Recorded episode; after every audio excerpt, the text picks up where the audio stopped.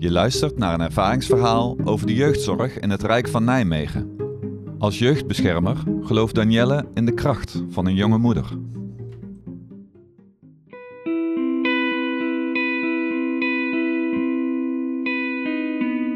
Ongeveer een jaar geleden kreeg ik een uh, nieuw dossier.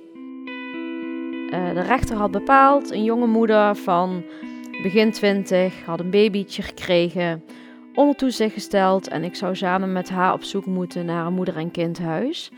Want de inschatting was gemaakt dat het niet alleen zou kunnen.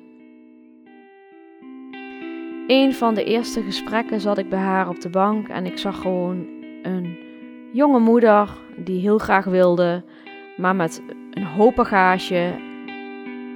En ze zegt: Ik kan beter niet van hem gaan houden, want de kans bestaat dat ze haar kindje kwijt kan raken.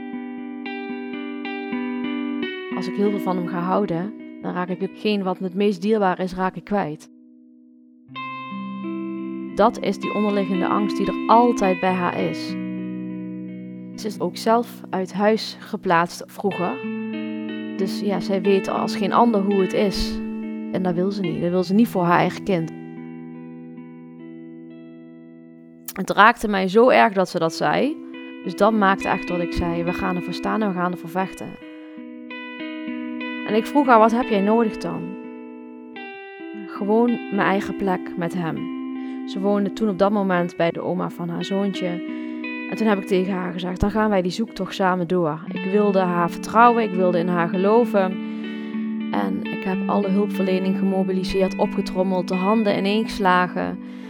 En nu zijn we inmiddels een jaar verder en woont ze nog steeds met haar zoontje, niet in een moeder- en kindhuis, maar wel zelfstandig. En hebben we nu net te horen gekregen dat zij haar eigen woning gaat krijgen.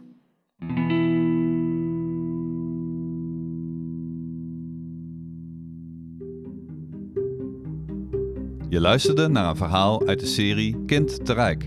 Een co-productie van het Rijk van Nijmegen en Zorgdragers. Firma Reuring, Buitenzinnen, Sier en Nathan van der Veer. De verhalen zijn auteursrechtelijk beschermd. Benieuwd naar meer mooie verhalen? Kijk op jeugdregionijmegen.nl en zorgdragers.nl. Volg ons op sociale media en de nieuwsbrief.